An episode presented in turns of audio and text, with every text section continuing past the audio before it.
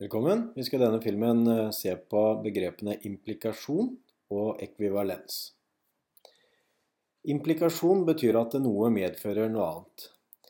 Hvis eksempel vi har ei jente som heter Kaja, og hun bor i Bergen,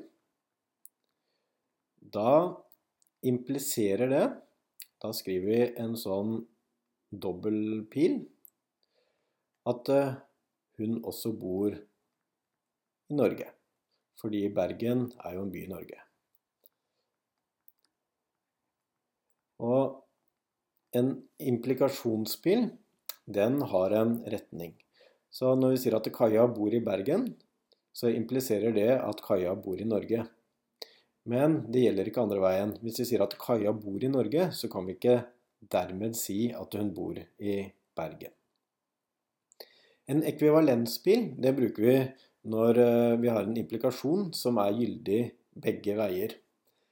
For eksempel så kan vi si at eh, x lik 2, det er ekvivalent med, og da skriver vi en eh, sånn dobbeltpil begge veier.